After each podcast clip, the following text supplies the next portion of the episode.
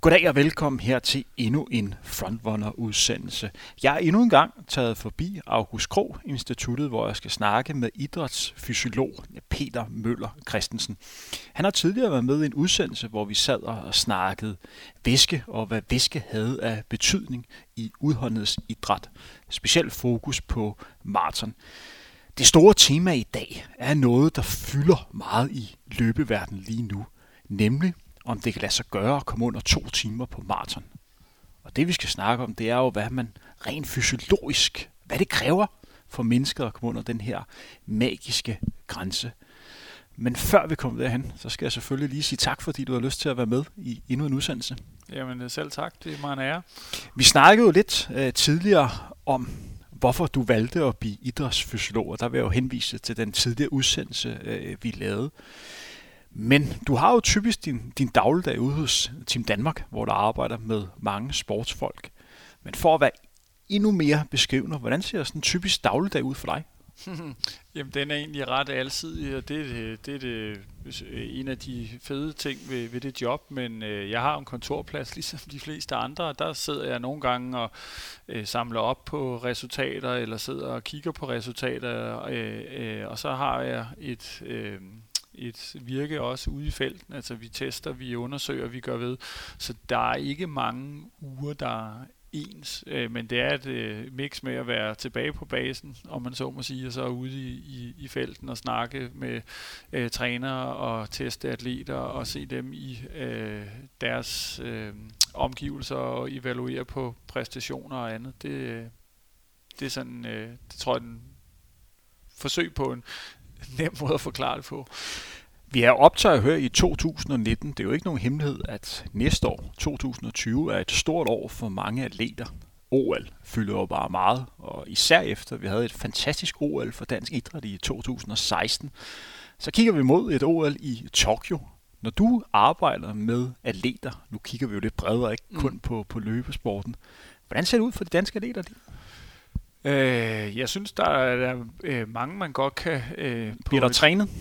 Det gør der i hvert fald, øh, og øh, jeg synes, at der er mange, hvor man kan sige, de har et niveau, hvor man jo øh, i hvert fald kan øh, stille forhåbninger om, at øh, der er det, man vil kalde et medaljepotentiale. Man skal bare lige huske, de andre træner også, de andre har også en stab og andet, som prøver at forberede dem øh, bedst muligt, men jeg synes da, at, øh, at der er nogle øh, folk, der rører på sig, og øh, så er det klart, at ligesom med alle mulige andre præstationer, hvis man vil kalde det det, så øh, står det der selvfølgelig som noget øh, specielt, at der blev vundet rigtig mange medaljer i Rio, og, og det vil da være øh, nærliggende at prøve at, at tangere det eller slå det, men om, om vi kommer helt derop, det, øh, det kan jeg godt, øh, kan man sige, øh, have min tvivl omkring, men det var også bare fordi, jeg synes, det resultat var ekstraordinært godt, men vi, øh, vi plejer jo at have heldigvis mange dygtige atleter og trænere, som, som gør det godt, og der skal nok være nogle af dem, som også kommer til at, at funkle i, i Tokyo. Og så er det bare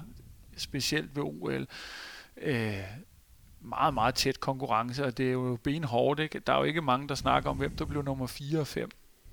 Øh, det glemmer man nogle gange, og det er jo også sådan, det nogle gange kan være ved de her typer af konkurrencer, at øh, så var der lige nogle marginaler, der røg ens vej, og, og det kan hurtigt gøre forskellen på en, øh, en håndfuld medaljer. Fordi vi kan jo hurtigt blive enige om, at en ting er, at man vinder medaljer øh, næste år, men forberedelserne bliver jo lagt i år. Det er nu her, hver eneste dag, hvor træningen skal, skal lægges. Ja.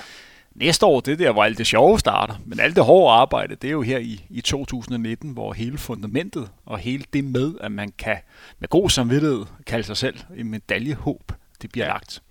Jo, sådan rent lavpraktisk, så er det jo sådan, at øh, mange er jo ikke kvalet endnu, øh, så man kan sige, de meget specifikke OL-forberedelser, de ligger jo typisk i, øh, ja, fra efteråret og frem til og med øh, jul og måske lidt ind i det nye år, men det er jo først, når forbundene ved, hvem er det egentlig, der har øh, været, været dygtige nok til at komme afsted, hvor, øh, øh, så kan man sige, det er den base, øh, altså folk øh, præsterer på en base nu har rigtig meget træning, som i sidste ende gør, at de bliver vurderet dygtige nok og øh, til at komme til et OL, og så prøver vi så derfra at sige, at der så nogle specifikke forhold, som, hvor vi kan gøre nogle ting, og der er det klart, at i Tokyo er varmen en udfordring, som vi allerede er, øh, kan man sige, opmærksom på. Øh, men de specifikke indsatser, de begynder for alvor at drøbe øh, ind, om man så må sige, øh, den kommende tid.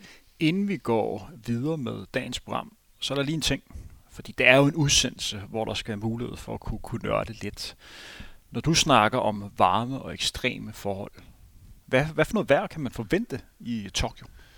Øh, der er nogen, som har indsamlet øh, historisk data over rigtig lang tid, øh, hvor de så har øh, over gennem, gennemsnit, tror jeg, over 30 år, og i det, kan man sige, normale tidsrum, hvor man vil se konkurrencer, lad os sige fra klokken 10 om formiddagen til klokken fire stykker om eftermiddagen, der er gennemsnitligt er det ikke usandsynligt at forvente, at temperaturen kommer på den anden side af 30 grader, og det kombineret med en rigtig høj luftfugtighed, som også gennemsnitligt vil forventeligt være på den anden side af 70 procent. De, to ting til sammen er en øh, hård en at sluge for folk, der skal være i gang i lang tid. Det er ikke for alle, man kan sige en håndboldhal, hvis der er aircondition, er det ikke et problem, men for mange af dem, der skal være ude, så er det altså en udfordring, som så kan blive, øh, øh, øh, hvad hedder sådan noget, øh, accelereret af også, hvis der er kraftig sollys, så det bliver en, øh, det bliver en hæftig omgang, og der er jo også øh, mange tiltag øh, til, at det helst ikke skulle gå hen og blive, øh, kan man sige, dårlige tv-billeder med såvel atleter som tilskuere, der drejer sig om. Og senest har jeg da hørt rygter om, at øh, de måske vil flytte maratonløb starten til klokken halv seks om morgenen af samme årsag. Så, så det, det gør de jo ikke for sjov. Det gør de jo af en grund. Øh. Så kan det være, at vi er derude, som man blandt andet gør ved verdensmesterskabet i atletik her, der bliver afviklet om 6 ugers tid. Der afvikler man jo maratonløbet midt om natten. Ja. Øh, det bliver lidt specielt for løberne at løbe klokken, 24. Dansk tid vil det være kl. 21, for der er tre timers øh, forskel. Så, så dem, af, dem af jer, der har lyst til at se aftenunderholdning, er det garanteret fint, men for løberne bliver det noget, noget specielt noget. Det gør det helt sikkert, og det er jo også en lille dimension, at nu øh, altså, har vi jo snakket tidligere omkring øh, varme, og hvad er det for en stress, og hvad gør det ved kroppen for en øh, løber eller for en anden type atlet. Øh, det, det her gør jo så også, det stiller også lidt udfordringer i forhold til, kan man sige, kroppens indre ur, øh, som man så også skal forholde sig lidt til. Øh, og det er også en udfordring, man jo så i hvert fald skal øh, være bevidst omkring, om det øh, vil øh, påvirke ens præstation. Øh, for så skal man jo ligesom vende kroppen til det. Det er, jo, øh, det er velkendt, at øh, mange præsterer sjældent godt om morgenen eksempelvis. Øh, det er typisk der, folk er dårligst. Øh, og det kan man sige, det er jo så level playing field for, for alle, men der er nok noget omkring, at man kan flytte sine døgnrytmer ved at sove på bestemte måder og gøre ved, sådan så at man i hvert fald øh, ligesom snyder kroppen til, at øh, det der er klokken 6 om morgenen egentlig føles som om det var klokken 10 eller klokken 11, eller hvordan man nu kan se det. Og så er man så også valgt i år i i Dora, hvor der skal afløses VM Atletik, og nærmest garantere, hvordan vejret bliver, fordi de vil jo komme til at løbe på et stadion, hvor klimaet bliver, bliver kølet lidt af. Det er en anden snak, det skal mm. vi ikke komme ind på i dag. Som sagt, dagens store tema er, hvad der skal til for at løbe under to timer på maraton. Men hvorfor er det relevant at have denne udsendelse? Ja, det forholder sig sådan, at hvis du går ind og kigger på verdensrekorden på maraton, så er det en af de løbedistancer, der har haft den mest markante udvikling de sidste 10 år. Hvis man spoler tilbage og så kigger på 2008 og slår op og så ser, hvad verdensrekorden var på det, på det tidspunkt, den var på 2 timer, 3 minutter og 59 sekunder. Den var faktisk lige blevet sat det år af Heile Gebrselassie. Det gjorde han ved Berlin Marathon i 2008. Ved selv samme løb, 2018, slog Kipchoge den tid, nu hedder verdensrekorden altså 2.01.39. Verdensrekorden er blevet slået en del gang siden det løb. Alle gange er det blevet slået i Berlin. Hvis du ender og kigger på selve præstationsforbedringen, så er verdenskortet altså nu hele 2 minutter og 20 sekunder. Hvis du går ind og kigger på samme periode, så er der ikke sat nu ny verdensrekord på 1500 meter, 3 km, 5.000 meter eller 10.000 meter. Normalt ser man inden for langdistance, at der er nogle løbere, der starter med at løbe stærkt på de korte distancer, så går de op på lidt længere distancer, de har speed med for udholdenheden, og på den måde løber en, god maraton. Så på den måde plejer man at sige, at hvis der kommer verdenskort på de længere, så kommer det også på de kortere. Det er ikke tilfældet her. Der er i samme periode så verdenskort på halvmaraton to eller tre gange, men halvmaraton er stadigvæk en relativt ny distance og har ikke den samme historie og samme prestige som maratondistancen. Det er sådan, at hele 12 løber har løbet hurtigere end Haile Gebrselassie tid for, øh, for 2008. Det vil altså sige, at hele 12 løber, der en eller flere gange har løbet hurtigere end 203.59.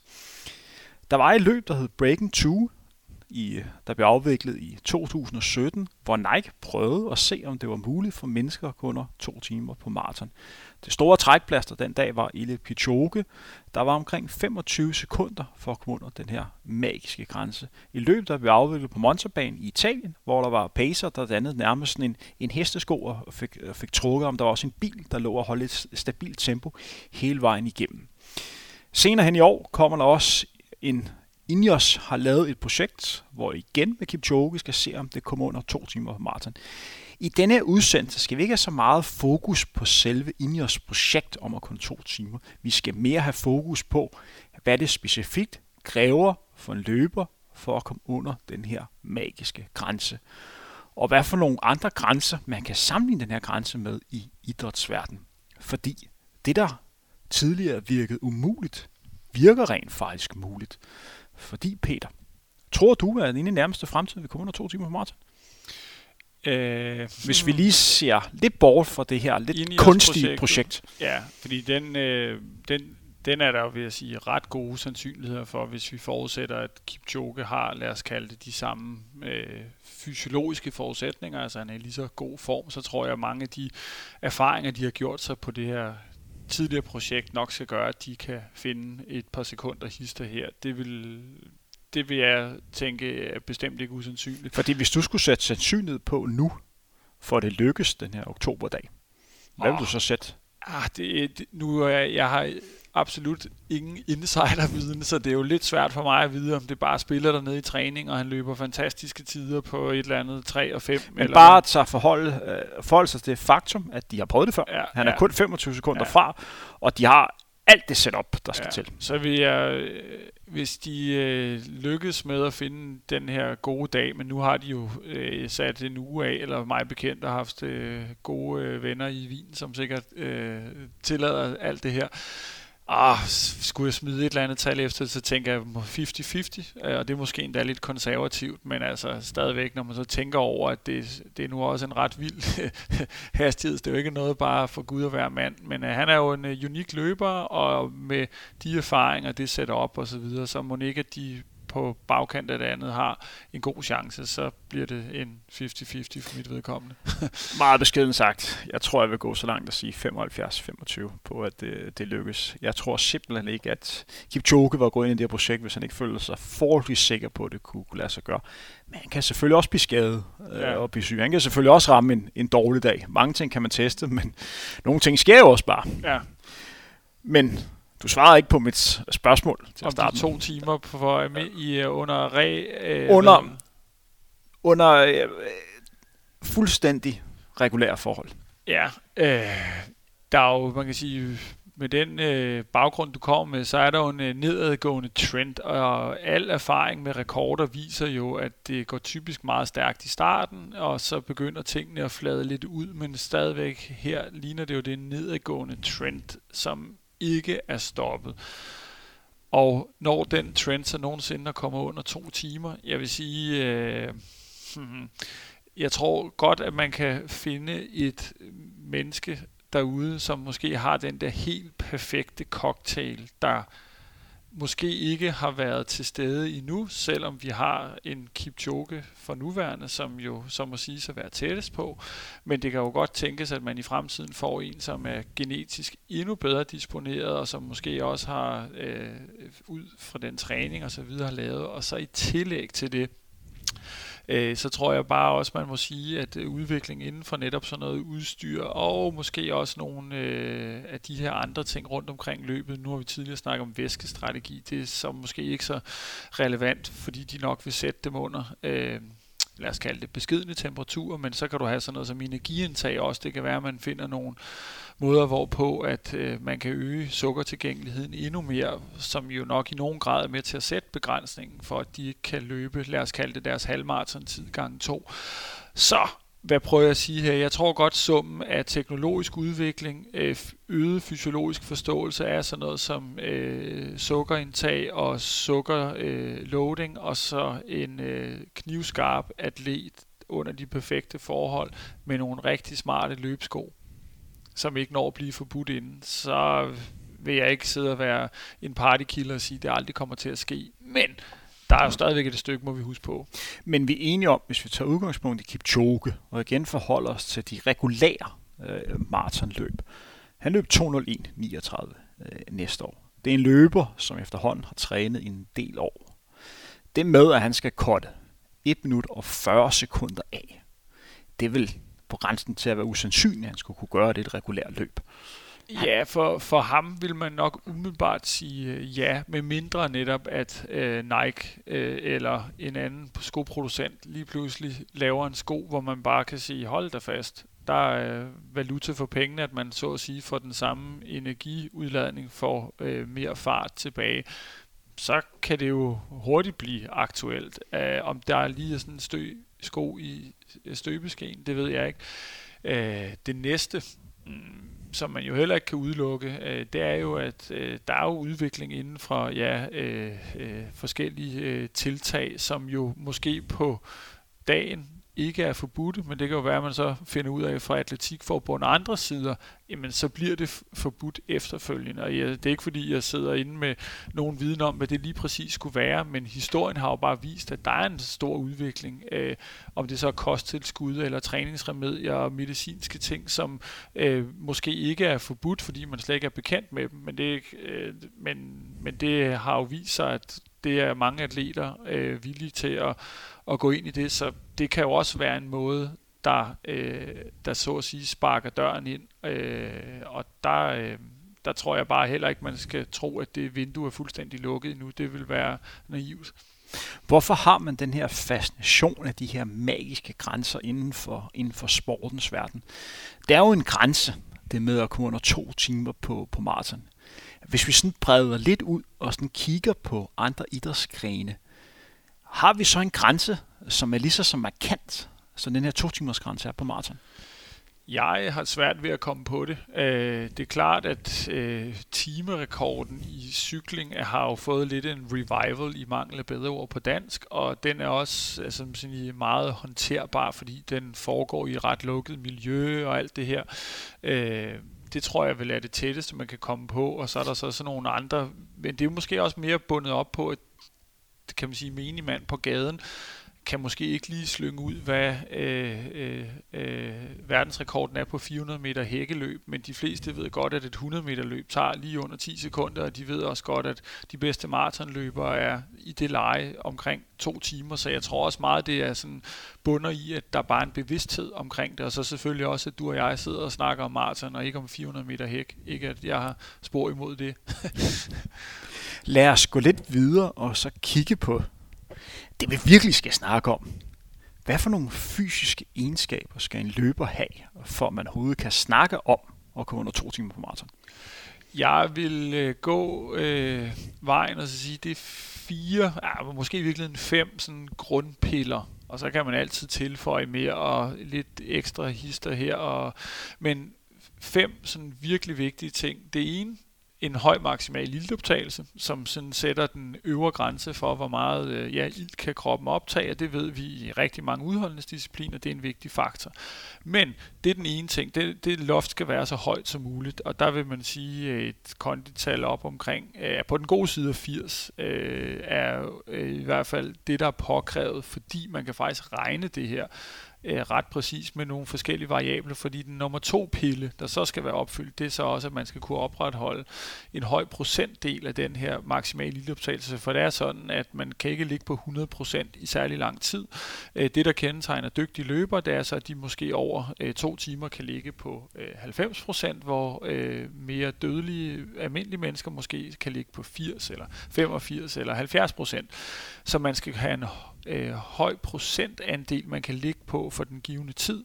Det er nummer to ting. og når man så har den her energiomsætning i form af iltoptagelsen, den skal så transiteres til fart, og det er så den tredje pille, det er det, vi kalder for løbeøkonomien, sådan så at, lad os kalde det, metabolsk energi bliver til fremadrettet energi, så det er noget omkring løbestil, det er noget omkring udstyr, det er noget omkring den måde, man anatomisk er skruet sammen på, de tynde underben bliver tit fremhævet her. Øh, og så den fjerde ting, det er selvfølgelig, at man har en, øh, hvad hedder sådan noget, en kost og i mindre grad væskestrategi, men primært en koststrategi, som gør, at man har øh, tilpas med sukker både før og under løbet, som gør, at man kan opretholde den her hastighed, fordi det er et øh, ret gammelt kendt fænomen fra næsten før øh, eller fra starten af 1900-tallet meget bekendt, at for en øh, given mængde iltoptagelse, så får man mere energi ud af at forbrænde sukker, end man gør at forbrænde fedt. Det vil sige, øh, man løber hurtigst på sukker, sådan lidt firkantet sagt, og derfor er det vigtigt, at man har en øh, høj evne til at øh, lære sukker, inden løbet, så man har høje niveauer der, men også at man kan optage tilpasse mængder undervejs for at opretholde det her sukkerspejl. Øh, det var den fjerde ting, og så den femte ting, det er selvfølgelig den her evne til at kunne øh, temperaturregulere, fordi hvordan man end vender og drejer det, øh, øh, energi øh, koster som regel også varme, og om man så sidder på en kondicykel eller et løbebånd, så er det øh, lidt, øh, igen firkantet sagt, så er det måske kun en, øh, en fjerdedel af den energi, man bruger, som bliver til bevægelse, resten bliver til varme. Og når man vil løbe stærkt og løbe ja, over 21 km i timen, så har man også en tilsvarende høj varmeproduktion og det betyder, at man så også skal være god til at kunne komme af med den. Og det er samme årsag, man selvfølgelig øh, hellere vil løbe så ved 10 grader end ved 15 grader, men selv inde i det her øh, lidt snævere temperatur, øh, niveau øh, i omgivelserne, så skal man i hvert fald være så god til at komme af med den varme, så det ikke ender med at blive en begrænsning. Hvis vi skal rangere de her egenskaber, det er selvfølgelig en, en svær snak, men hvis vi skal nævne en enkelt, som er den ultimative vigtigste, Åh, det er et hårdt spørgsmål at, at, at svare på. Men, men er øh, du vel manden, der kan svare på det? Ja, men nogle gange så er verden mere kompliceret end som så, og det kunne man jo også være kedelig at så sige. Øh, men øh, hvis man læner sig lidt op af sådan empiri og andet, så er der meget, der tyder på, at løbeøkonomi i hvert fald skal være opfyldt. Men jeg vil sige det sådan, at du kan ikke komme derop, hvis du ikke er exceptionel på alle parametre. Altså, øh, der findes eksempler på løber, som så har en meget høj maksimal lillebetal, som til gengæld har de en, øh, lad os kalde det, mindre imponerende procentudnyttelse eller en, en middel løbeøkonomi, og så bliver det derefter. Så du skal, hvis man tænker det på sådan en karakterskala fra 1 til 10, altså så vil jeg sige, så skal du ligge altså nærmest 10 på alle de her. Så hvis man skulle lave et bilkort, kan du huske de her ja, klassiske ja, ja, bilkort, ja, ja, ja. og lad os tage over en løber, hvor der står en, maraton-tid 1.59, 59. Ja, ja. Han skal have 10 alle de her parametre. Øh, han skal i hvert fald have 10, 9-10 på øh, VO2 max, på procentdelen og løbeøkonomien. For har du de tre ting, så kan du faktisk udregne, hvad det kræver. Man skal så lige øh, stole på, at ildoptagelsen er præcis, og løbebåndet modsvarer fuldstændig, hvad det er at løbe ud til. Men så kan du faktisk udregne helt præcis, hvad skal der til. Og så skal det andet også bare være på plads. Altså man skal have tilpas sukker, hverken for meget, men heller ikke for lidt. Man skal heller ikke slippe rundt med unødig vægt. Altså det er jo også en, en balance. Man skal være øh, øh, tynd, men man skal heller ikke være så tynd, at man knækker, og man ikke kan træne. Altså det er jo en hård, fin grænse, og, øh, og temperatur må ikke blive et problem. Men nej, jeg vil rangere de tre første som værende måske øh, grund substansen, og så er det andet, det er nogle vigtige krydderier, men det bygger på, at det andet er på plads først. Så øh, iltleverancen ultimativt, det er det vigtigste, og så øh, der, derefter må man sørge for, at man har styr på sit energiindtag, og man kan komme af med varmen. Hvis vi går ind og kigger på altiders rangliste over de bedste tider, der er løbet på maraton i historien, så skal man helt ned til nummer 65 for at finde en løber, som ikke er født i Østafrika. Og den løber, der ligger som nummer 65, er en løber, der er født i Marokko. Det er jo nærliggende at tænke, at genetik betyder noget, når vi snakker de her udholdede sport som maratonløb. Når jeg siger genetik og maraton til dig, hvad tænker du så? Jamen, øh, så giver jeg dig ret. Altså, det er jo igen, det, øh, det er jo svært at løbe fra, øh, fra realiteterne, at øh, det er jo nogle gange sådan, det er. Øh, Men er det fuldstændig utopi at tro, at vi om 5-10 år sidder og snakker om en europæisk løber, Nej. der har kapacitet til at komme under de her to timer? Nej, jeg, ved, er... jeg ved godt, at der er nogle europæiske løber, der lige pludselig øh, dukker op sådan hist og pist, men kan det lade sig gøre? Øh, øh, Ja, det tror jeg godt. Øh, når vi ved, at der er øh, det, vi kalder biologisk variation, så skal der nok findes en eller anden øh, særlig øh, type, øh, måske nu af kaukasisk afstamning, eller hvad det så fint hedder, øh, øh, hvid, klassisk, om det så er europæer eller andet, men jeg tror, der hvor øh, nøglen ligger til, at for hver gang der så er en af dem, så er der jo nok noget, der tyder på, at der så er, øh, uden at jeg har noget bygget op på, men så er der 20 eller 30 østafrikanere. Og så siger det sig selv, at så er det meget øh, sværere at, at forvente, at den ene person, der findes ud af alle EU's beboere, hvem siger, at han overhovedet øh, fatter interesse for løb? Hvem siger, at han ikke bare fandt ud af, at han skulle være advokatfuldmægtig og gå til fodbold? Øh, så, så det der med at finde den der lille nål i høstakken, der er i hvert fald bare flere øh, nåle i den øh, østafrikanske høstak, må man dog sige. Og meget af det, det lader til at bygge på, det er jo øh, blandt andet de her famøse øh, tynde underben, som giver en fordelagtig løbeøkonomi. Det er eftervist øh, ret mange gange efterhånden. Øh, og det er jo, kan man sige, det er jo noget, man er født med. Det er jo ikke noget, man kan træne sig til. Øh. hvor meget skyldes det faktum, at mange af de her løbere øh, er født i, i højderne, at de til daglig og har levet i det, der vel er 2.000 meters højde og, og mere. Har, har det givet dem øh, en fordel?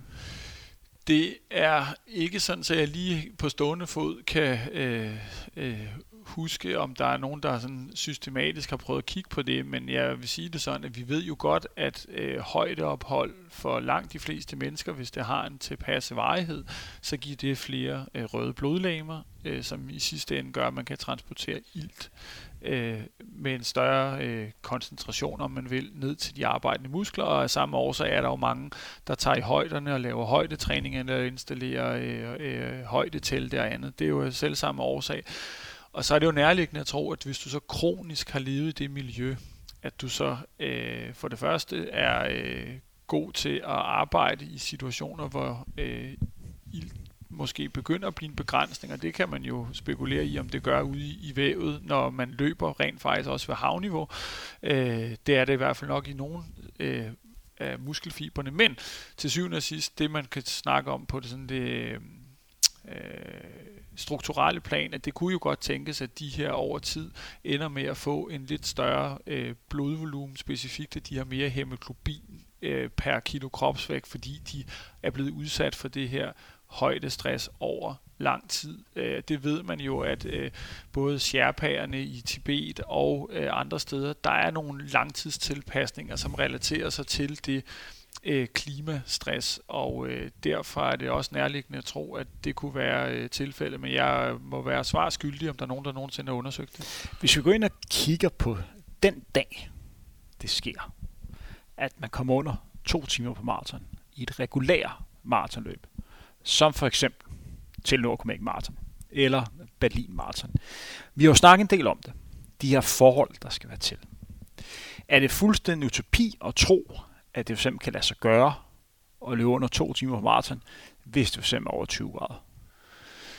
Øhm, ja, det vil jeg umiddelbart sige, når vi ved, at der er den her stærke sammenhæng. Øh, så medmindre der findes en, igen en genetisk type, som er ekstremt god til at øh, temperaturregulere, eller har en virkelig, virkelig ekstrem løbeøkonomi, som i sidste ende vil gøre, at øh, man kan sige, for den samme fart akkumulerer, akkumulerer man mindre varme. Men jeg tror ikke, at man, øh, at man vil kunne rykke ved det faktum, at man har brugt øh, hvad, øh, 20, 30, 50 år på ligesom at se, om de hurtigste tider bliver sat under øh, øh, lad os kalde det, moderat kolde forhold, og det tror jeg vil vedblive. Fordi det er jo sådan, når vi snakker forhold, og sådan kom lidt på, hvad der er det vigtigste. Det er vel temperaturen, som er det primære. Ja, og så også at øh, vindstille vind, selvfølgelig. Vind, vind og, og sådan nogle forhold, ikke? Uh, Fordi et andet element, vi kan snakke om, det er jo, om ruten er, er flad, om der er begrænset med, med sving, men vi synes, den skulle blive enige om at rangere det. Fordi det kan godt lade sig gøre at løbe stærkt, hvis der er sving på ruten. Mm. Det kan godt at løbe, øh, lade sig gøre at løbe stærkt, hvis der er en lille stigning undervejs. Min point er bare lidt, at hvis det er rigtig varmt, så er det udelukket allerede fra starten af. Det vil jeg give dig ret i. Det tænker jeg ikke, at der er, øh, det er svært at forestille sig. Altså, der er den lille krølle på halen, man skal huske på, og som jeg også nogle gange har siddet og spekuleret over på vej hjem med på arbejde på cykel, hvis jeg ikke havde bedre ting at give mig til, at øh, øh, i cykling, øh, der øh, er man jo meget bevidst omkring, at høj temperatur giver lavere luftdensitet. Det vil sige, at man har nemmere ved at flytte luften, og når man har nemmere ved at flytte luften, så kører man stærkere på cykel. Øh, men men øh, den her luftdensitets indvirkning, den er også meget relateret til den hastighed, og der er imod væk forskel på at køre 55 km i timen på en cykel og løbe 21 km i timen, men mere det der med, er der måske et eller andet breaking point, hvor man man kunne vinde en lille smule ved, at faktisk at luften var lidt nemmere at flytte, øh, øh, ved at det faktisk var lidt varmere, hvis man så samtidig kunne køle løberen. Øh, man har jo bruser og andet sjov, Øh, og det, det er sådan et tankeeksperiment, men jeg tænker stadigvæk, at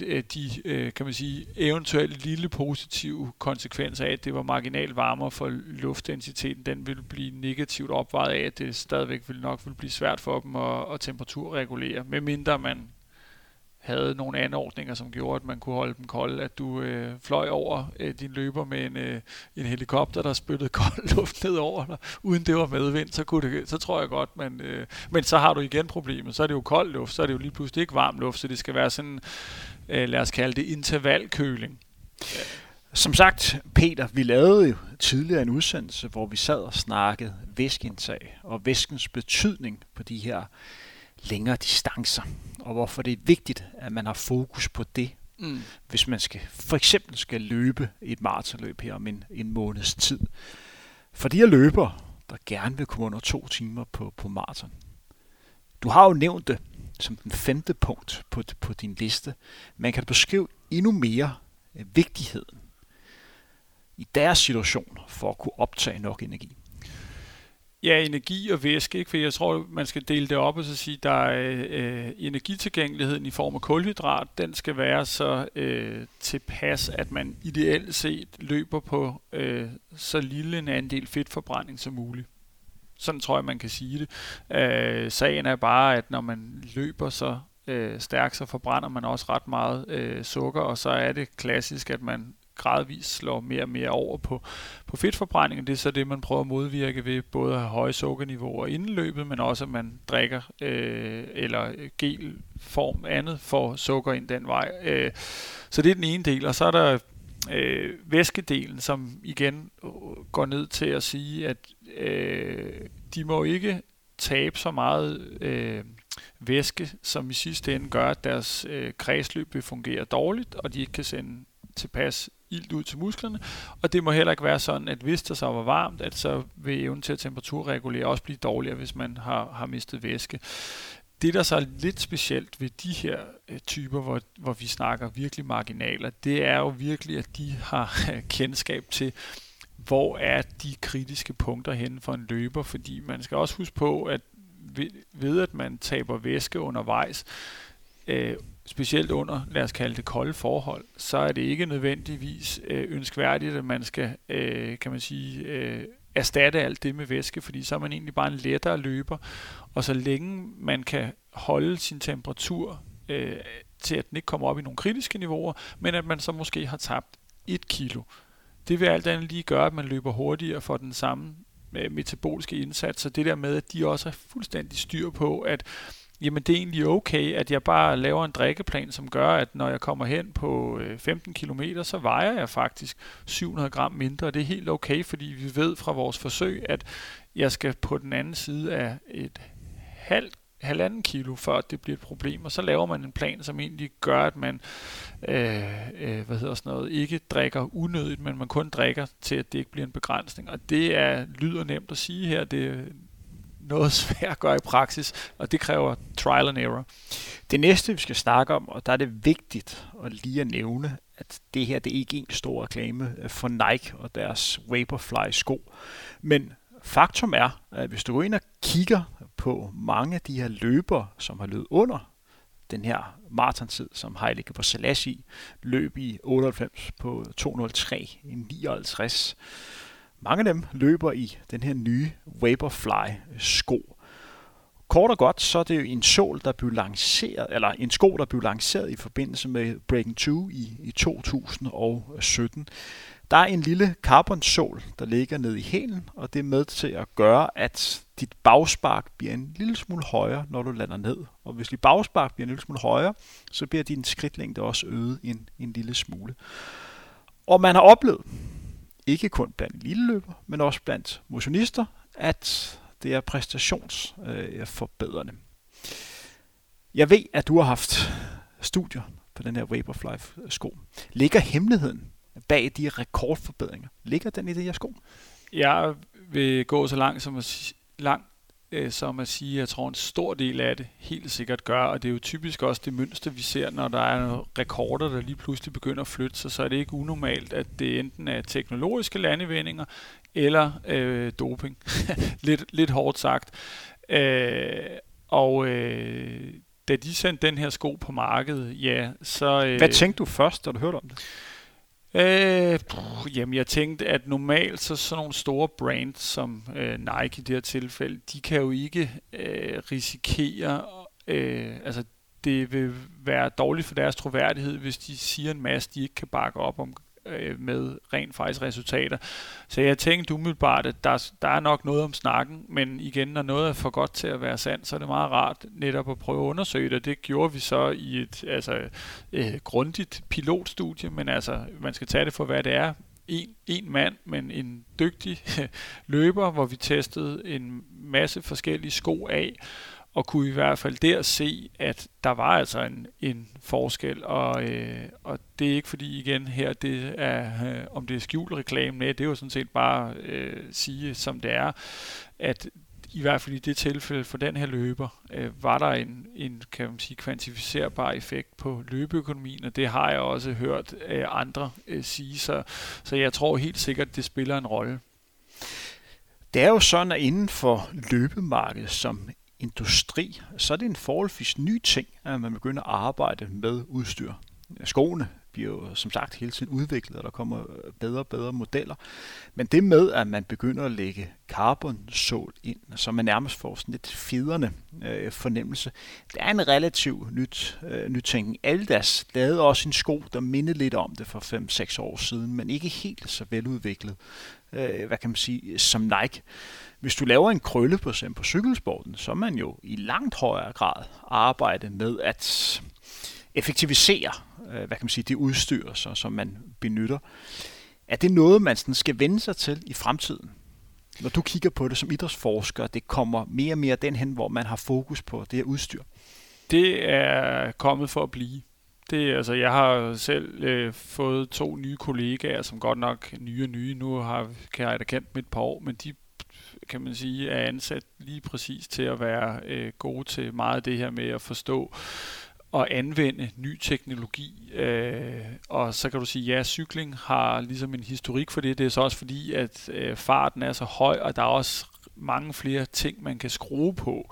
Øh, men der er også en kultur øh, omkring, at det gør man, eller det er i hvert fald gradvist begyndt at komme. Man kan sige, hvis man ser i, det er egentlig lidt sjovt, fordi nogle gange i midt-90'erne, ikke, øh, så kørte de rundt i sådan noget flagertøj, hvor man efter moderne aerodynamiske standarder tænker, det er jo helt væk.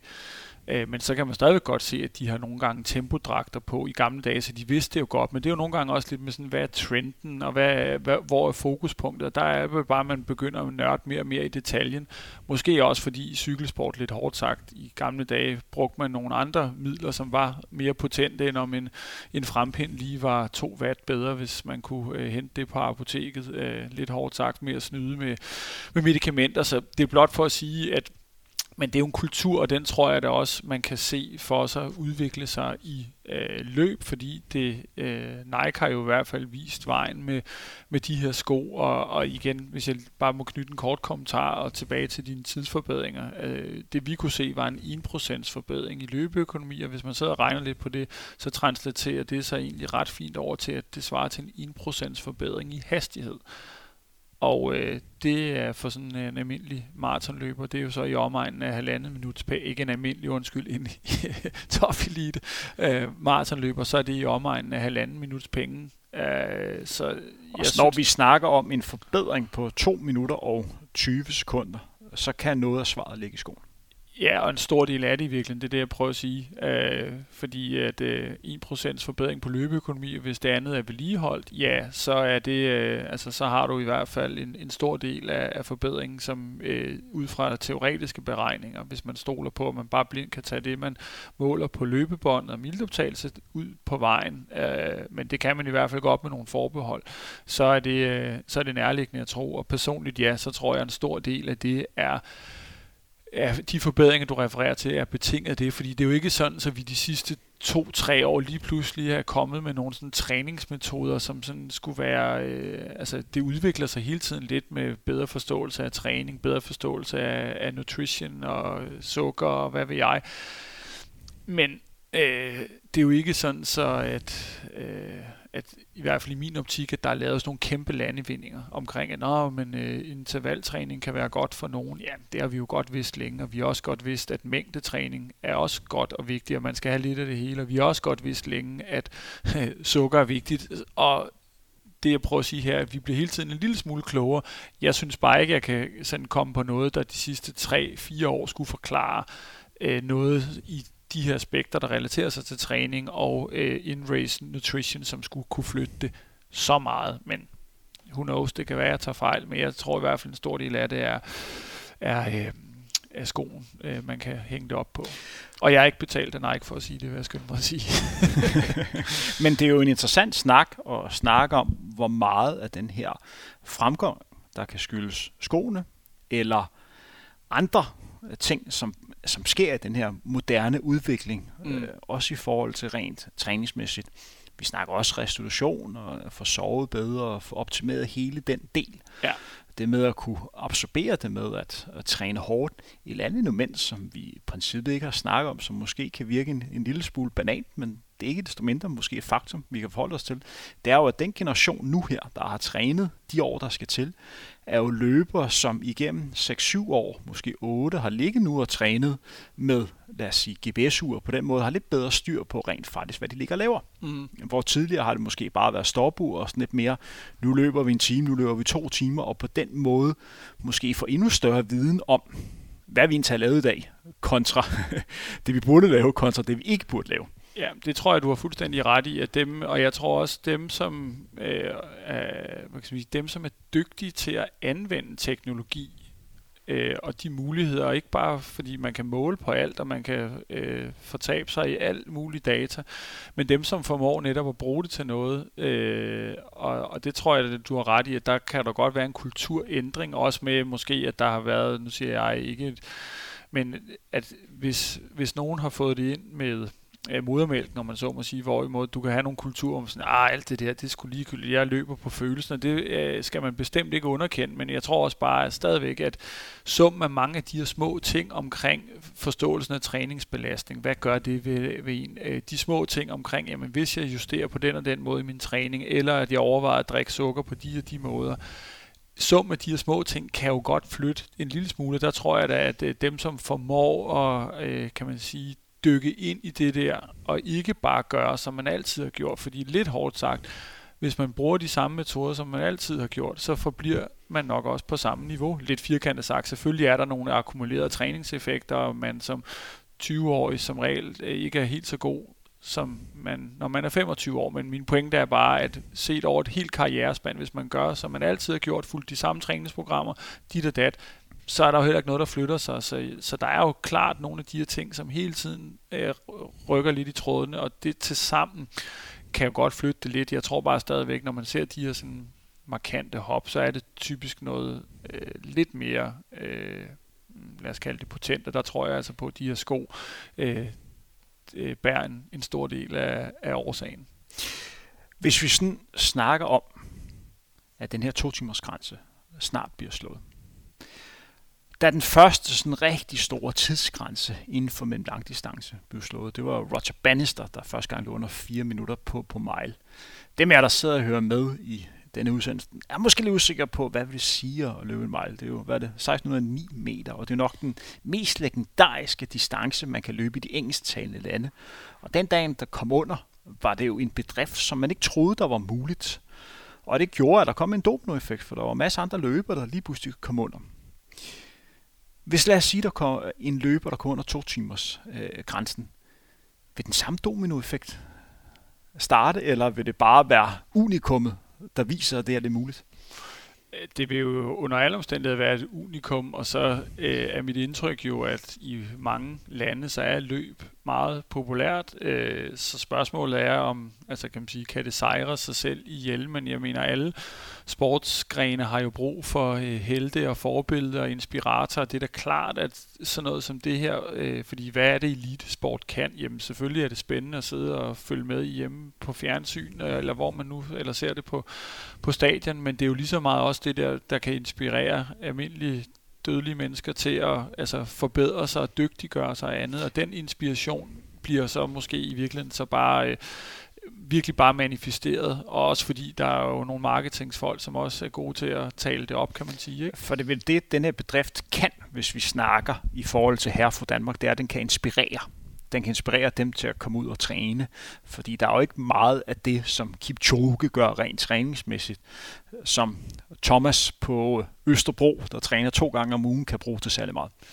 Nej, det, øh, man skal i hvert fald passe på med det der med, jamen, fordi at de træner sådan øh, i, i Kenya, så kan jeg bare blindt overføre det til mine øh, øh løber, og så bliver de verdensmester. Det er jo, træning bygger jo også på, hvad man kommer fra, og hvad, hvad har man øh, trænet. Har man trænet meget mængde, så er det måske, at interval øh, kan være stimulerende den anden vej rundt. Hvis man kommer fra en stor intervalbaggrund, så er det måske det, man har godt af, det er at komme ud og få noget mængde. Så det, nej, man kan ikke bare blindt øh, en til en kopiere, men der er stadigvæk nogle ting, hvor man kan sige, nå ja, okay, men har de en plan for, hvordan de spiser og drikker undervejs? Ja, skulle jeg også overveje at have det øh, som motionist? Mm, hvis det er et vigtigt mål at komme under fire timer eller tre og en halv, så kan man jo godt lade sig inspirere den måde at tænke på, og, og, øh, og så er der sådan de helt lavpraktiske ting, øh, som igen løbeskoene. Nå, okay, han løber i de sko, han vælger dem nok ikke, fordi de er langsomme, tilsvarende ved vi jo også godt for cykling, at der er nogen, der bliver skelet mere til end andre, fordi man godt ved, at dem fra England eller den rytter fra Jumbo Visma har helt styr på sit udstyr. Nå, han kører med det og det, og samme årsag er det jo også nogle gange, at de sætter sorte sprittusstreger henover, så man faktisk ikke skal kunne se det. Den sidste ting, vi skal snakke om i dag, inden vi lukker ned, er faktisk lidt videreførelse for det, du lige kom ind på nu her. For jeg sidder jo i studiet med en idrætsforsker, som også har en kærlighed for, for cykelsport. Og selvom den her udsendelse primært handler om, hvad der skal til rent fysiologisk for at komme under to timer for maraton, så synes jeg også, det er relevant at snakke om den her østafrikanske dominans, fordi som sagt, vi skulle helt ned til nummer 65 for at finde en løber, som øh, hvad kan man sige, som ikke var født i Østafrika på den altiders maratonrangliste. Men hvis vi går ind og kigger på cykelsporten, og så siger, at der er nogle af de samme parametre, som gør sig gældende for at være god til at være langdistansløber, som til at være cykelrytter. Så kommer mit spørgsmål til dig. Hvorfor har vi ikke nogen cykelrytter på et vist niveau, som er født i de østafrikanske lande? Det tror jeg er, hvad kalder man det for, socioøkonomisk. Øh, fordi jeg ser ikke nogen grund til fysiologisk, hvorfor at nogle af de typer ikke skulle kunne blive gode klatretyper eksempelvis. Altså lette, spinkle øh, typer, som er øh, begunstiget med øh, et øh, stort fordi, hjerte med meget fordi, blod. Det vil man hvis, godt kunne bruge som bjergrytter. Fordi hvis vi stopper det her og så kigger på de fem parametre, som du fortalte var vigtige i forhold til mm. to timer på maraton. I forhold til at være en, en cykelrytter, der kan begå sig bjergene, hvad for nogle der er ikke vigtigt? Jamen, der er, det er det samme. Altså på den måde kan du sige, så er det lidt kedeligt, men det er jo øh, altså meget udholdenhedssport, og jo længere ud øh, det er, jo mere vigtigt bliver det aerobe, og i mindre grad er det er så det, man skal huske på i cykling. Der er, øh, kan man sige, øh, øh, der er nogle intensitetsskift, for der bliver rykket, og der bliver sprintet, og hvor, hvor den der evne til også at have den her øh, sprintpower er i nogen grad nok vigtigere, end den er i, i løb. Men stadigvæk, det bliver... Øh, men hovedsubstansen for at kunne køre med og sidde med, og hovedsidde med i finalerne og skulle tro, man kan sprinte om det, det er, at man skal kunne have et kredsløb, som kan levere ilt. Og der er det de samme parametre, at hvis jeg skal designe en, en god cykelrytter som sådan en Frankenstein-type, så vil jeg også vælge ideelt set en høj VO2 max, evne til at kunne holde en høj procentdel for en given tid, og en god, så er det så bare cykeløkonomi og ikke løbeøkonomi, men de tre ting vil man øh, sige, og de findes jo, de typer, i Afrika. Det kan man jo se. Så der er jo ikke, jeg ser ingen grund til, at de ikke kunne blive øh, rigtig gode, øh, i hvert fald øh, bjergrytter med den statur, de har. Øh, jeg tror bare, det er et spørgsmål om, at i Afrika, så er der tradition og, øh, for, at man løber, og det er også øh, nemmere, og, og cykling er en lidt mere udstyrstung øh, tung sport, så der er i hvert fald færre, der dyrker det. Fordi det er jo nærliggende at lave en, en sammenligning med for eksempel cykelrytter, som er født i Colombia. Du havde en Tour de France-vinder, der er Banal, mm. som er 21, let rytter, god i bjergene. Kunne han være en god langdistansløber, som startede tidligere? ja, det tror jeg. Øh, det tror jeg sådan set godt. Øh, Fordi Colombia har sådan set ikke en tradition for at skabe gode langdistansløber. Så der må være lidt kultur her. Ja, altså det eneste, uden at jeg vil blive øh, anklaget for alt muligt mangel på, hvad hedder sådan noget, antropologisk indsigt, men om Mm, om den, nu siger jeg den gennemsnitlige sydamerikaner, om han er lidt, mere, lidt lav og lidt mere, øh, nu siger jeg, kraftigere bygget end øh, den der sådan lidt karikerede, meget tynde, spinkle østafrikaner. Og der vil man jo alt andet lige sige, at øh, mm, der vil det være en øh, altså der skal du ligesom have den der tynde kropsform og de tynde underben. Øh, er der jo i hvert fald meget, der tyder på. Og det kan jo godt være, at den sådan, kan man sige, kolumbianske prototype ikke er kendetegnet ved det, men generelt bare let, og så kan man godt begå sig i, i cykling, men har måske ikke de samme forudsætninger i løb. Og men en lille detalje er, at tynde, slanke underben er nu heller ikke så dumt i cykling, fordi sådan nogle køller, der sidder ude i vinden, de øh, stjæler også fart. så, men men det, jeg tror bare, man må sige, at det tynde underben er alt andet lige en større fordel i løb end dag i cykling. Og da jeg lige sidder og kigger på mine ben og konstaterer, at min underben stadigvæk er forholdsvis tynde, så det du siger for til mig, det er, at jeg stadigvæk har lidt potentiale i mig, hvis jeg begynder at cykle lidt. Ja, eller øh, nu kan man sige, nu har du nogle bedrifter, som gør, at du kan, at du i hvert fald øh, løbemæssigt har øh, nogle forudsætninger. Og ja, cykelmæssigt tror jeg da også sagtens med den, øh, altså man kommer jo ikke på så højt niveau, som, øh, som du har været. Det kommer man jo ikke øh, med øh, et øh, kondital på 55. Så man kan sige, mange af de samme kvaliteter, specielt hvis det bare handler om at køre op ad et bjerg, og man ikke skal tænke i at, at dreje på, på øh, styret eller ture, køre nedad eller svinge et par albuer. Øh, øh, til, til nogle modstandere, som er lidt irriterende, så tror jeg da jo, du kunne sikkert være øh, farlig på Alp d'Huez eller andet. til gengæld er jeg ikke så god, når det går, går lige ud, og der, der er vind i hovedet på mig. Der, der er jeg ikke så stærk. Med det, så lad os lukke stille og roligt ned for dag. Tak til dig, Peter. Selv tak. Er der nogle ting, som vi mangler at snakke om i det her emne om, hvad det kræver for mennesket at kunne under to timer?